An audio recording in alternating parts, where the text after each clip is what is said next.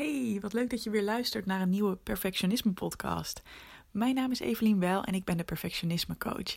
En een tijdje geleden heb ik een paar video's opgenomen waarvan ik ineens dacht: oeh, die zijn ook super interessant voor jou als je deze podcast luistert. Dus ga lekker zitten, neem even tijd voor jezelf en veel luisterplezier.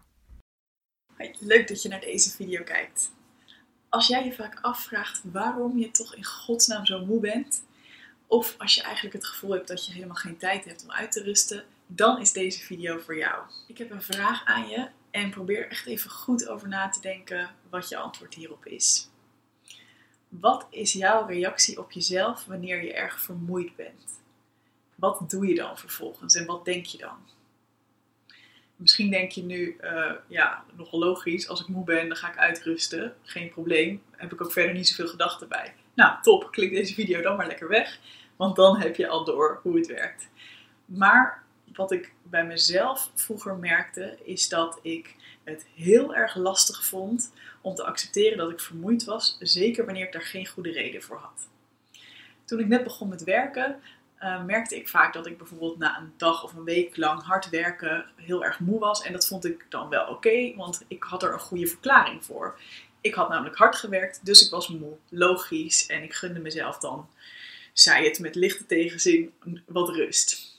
Maar wanneer ik bijvoorbeeld al een dagje had uitgerust of een, een paar dagen helemaal niks gedaan had en ik was nog steeds moe, nou, daar kon ik echt absoluut niet mee omgaan.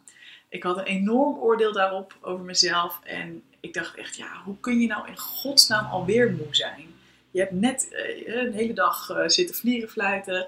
Het moet maar eens over zijn. Waarom kun je niet net zoals andere mensen gewoon ja, dit leven aankunnen, zeg maar? Waarom ben je altijd zo fucking moe?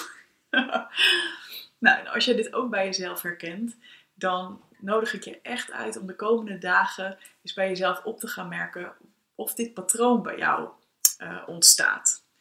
En dat patroon begint eigenlijk al met dat je continu wanneer je op een bepaalde manier voelt, dus bijvoorbeeld als je je vermoeid voelt, in de analysestand schiet. Dat is stap nummer 1. Dat je in een analyse schiet over, oh man, ik ben moe. Hoe komt dit? Wat is er aan de hand? Hè, waar ben ik dan moe van? Wat heb ik dan gedaan?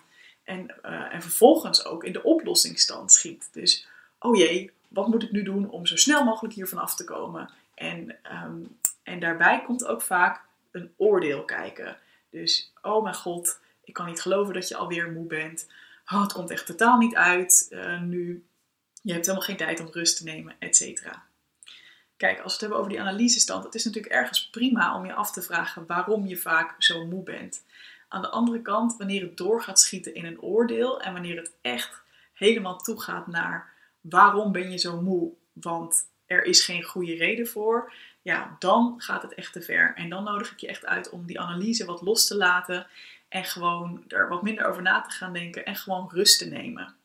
Want het aller, allerbelangrijkste om te weten is, je hoeft rust nooit te verdienen. Je hoeft er nooit recht op te, ont, op te ontwikkelen of op te ontvangen. Je hebt dat recht al. Je hebt altijd het recht om gewoon rustig aan te doen en te ontspannen wanneer je dat nodig hebt. Want laten we even eerlijk zijn, als we om ons heen kijken in deze maatschappij, dan zijn we toch gewoon helemaal van de pot gerukt. Als je ziet hoeveel inspanning we willen leveren en hoe weinig ontspanning daar vaak tegenover staat. Dus ik gun jou een veel lekkerdere balans. Denk er dus niet al te veel over na. Denk niet dat je geen tijd hebt om rust te nemen, want die tijd is er altijd. En ook al is het niet direct nu, dan is het misschien vanavond of dan kun je misschien op een andere manier wat ruimte inbouwen. Maar alsjeblieft, hou op met dat oordeel. Want het is juist een heel belangrijk signaal van je lichaam dat je het wat rustiger aan moet doen. Dus ik hoop dat je lief voor jezelf durft te zijn hierin. En ik wens je daar heel veel succes mee. Hey, vond je deze podcast te gek? Check dan zeker even mijn online programma Goed Genoeg, speciaal voor perfectionisten. Want heel eerlijk, in je eentje kun je ook een heel eind komen met het loslaten van je perfectionisme. Maar als je meedoet aan dit programma, heb je alle tools in handen om veel sneller deze ontwikkeling door te maken. Ga naar doelgerichtecoaching.nl slash goed genoeg en wie weet zie ik je binnenkort.